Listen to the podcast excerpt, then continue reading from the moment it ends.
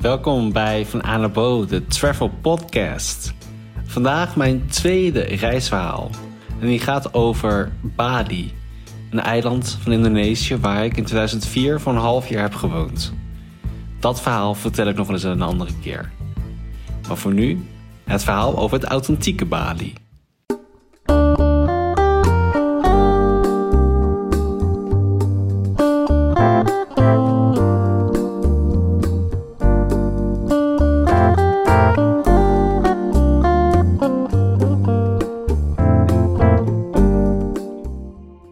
Zo 15 jaar lang kom ik al op Bali, het paradijselijke eiland in Indonesië.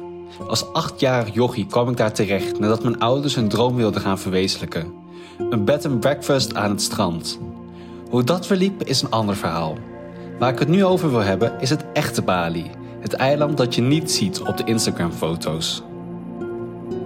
Ubud, Kuta, Sanur, Nusa Penida en Nusa Dua... het zijn de mainstream plekken waar elke reiziger op Bali wel terechtkomt.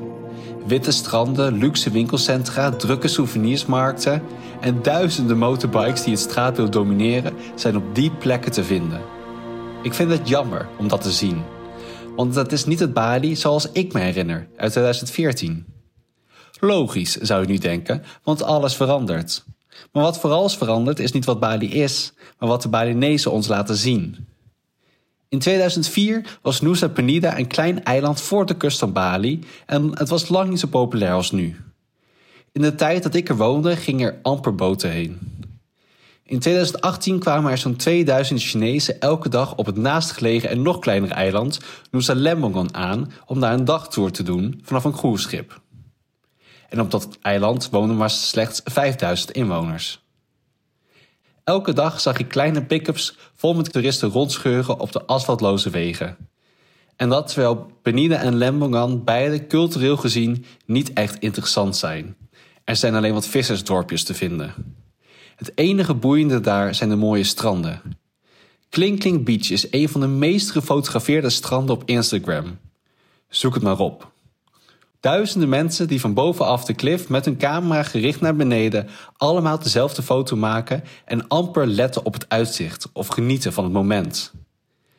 Wat me nog meer verbaasde was dat mensen zelfs moeite deden om een perfecte selfie te maken. Persoonlijk snap ik dat niet zo heel erg goed. Een selfie is immers nooit perfect. Ik ben er ook heen gegaan om van het uitzicht te genieten en eigenlijk om ook even naar het strand te gaan beneden. Maar toen ik zag hoe druk het daar was, had ik daar al helemaal geen zin meer in. Want iedereen was er alleen maar voor het fotomoment. De route er naartoe was voor mij al een avontuur. Ik had een kleine motor gehuurd bij de Javaanse hostel-eigenaresse en ik scheurde over de stille wegen van het eiland. Ik had nog nooit motor gereden. Ik had nog nooit links gereden. Maar dat maakte hier niet uit. Het onveiligste moment op de weg ontstond alleen wanneer een hond onverwachts de weg overstak. Ik genoot van de wind door mijn haren, de vrijheid om overal naartoe te kunnen rijden waar ik wilde en van de lokale warongst die ik onderweg tegenkwam. Uiteindelijk kwam ik na zo'n anderhalf uur in de buurt van het strand en volgde ik een grote bus vol met toeristen. Totdat ik die uit het zicht verloor en ik opeens in een modderpad terecht kwam en ik ineens moest gaan crossen.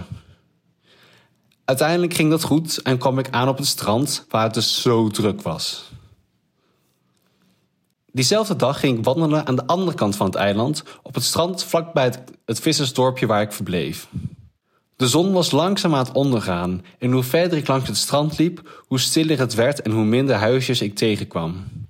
Het enige wat ik op een gegeven moment nog hoorde, waren de golven die stuk sloegen op het strand. Het was grappig om op deze plek te wandelen, want aan de andere kant van het water lag Candidasa, de plek waar ik vroeger had gewoond. Terwijl ik daar in mijn eentje liep, zag ik een klein jongetje spelen met een kleine geïmproviseerde hengel. Hij liep door ondiep water en op een moment stond hij stil en keek heel aandachtig naar het vasteland van Bali. Ik vond dat zo mooi dat ik meteen een foto maakte. Tegelijkertijd bedacht ik dat dit dus ook het echte Bali is van wat ik me kon herinneren. Een compleet leeg strand met alleen lokale bevolking die hun eigen dingen daar doen.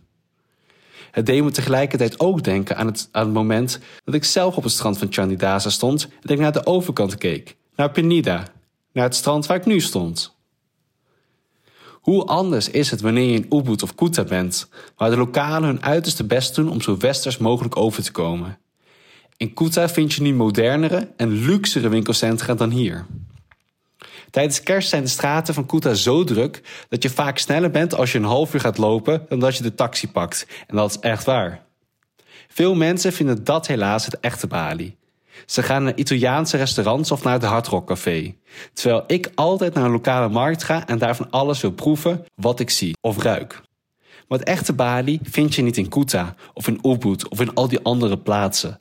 Op die grotere plekken zijn er geen ouderwetse markten meer. Alleen maar souvenirskraampjes en shoppingmalls. Wat is dan nog wel het echte Bali? Die vraag is natuurlijk voor iedereen anders, want ook de drukke straten van Kuta horen inmiddels bij Bali. Maar misschien moet ik het anders verwoorden. Wat vind ik het echte Bali? En voor mij zijn dat de plekken waar Balinezen zich niet anders voordoen dan dat ze zijn. Waar ze dus ronduit boeren omdat ze iets lekkers vinden. Kretek, een soort zware kruidnagelsigaret roken. En waar ze mierzoete zwarte Balinese koffie drinken, die ze vervolgens een half uur laten staan om af te koelen. Zulke plekken vind je niet zomaar in Sanur of in Nusa Dua, maar eerder in het noorden, oosten of het westen van Bali. In Chandidase bijvoorbeeld, waar ik terecht kwam in 2004. Het echte Bali is verplicht worden om met je lokale vrienden naar een huwelijksceremonie te gaan, waar ze drie dagen van tevoren een varken voor hebben geslacht, die ze een hele nacht half levend en krijsend aan het tak hadden gebonden om vervolgens de ceremonie bij te wonen, waar hij wordt gedwongen om in een ceremonieel gewaad te luisteren naar urenlange Balinese ritmische klanken van marimba's en trommels en je te verbazen over de vreemde danspassen van de verklede danseressen, om je vervolgens in de avond vol te eten van het geslachte varken en honderden mierzoete lekkernijen naar binnen te werken en tenslotte de avond af te sluiten met een arakje, een soort sterke palmijn, waardoor je de dag erna amper nog wat kan herinneren van de ceremonie. Dat is het authentieke Bali.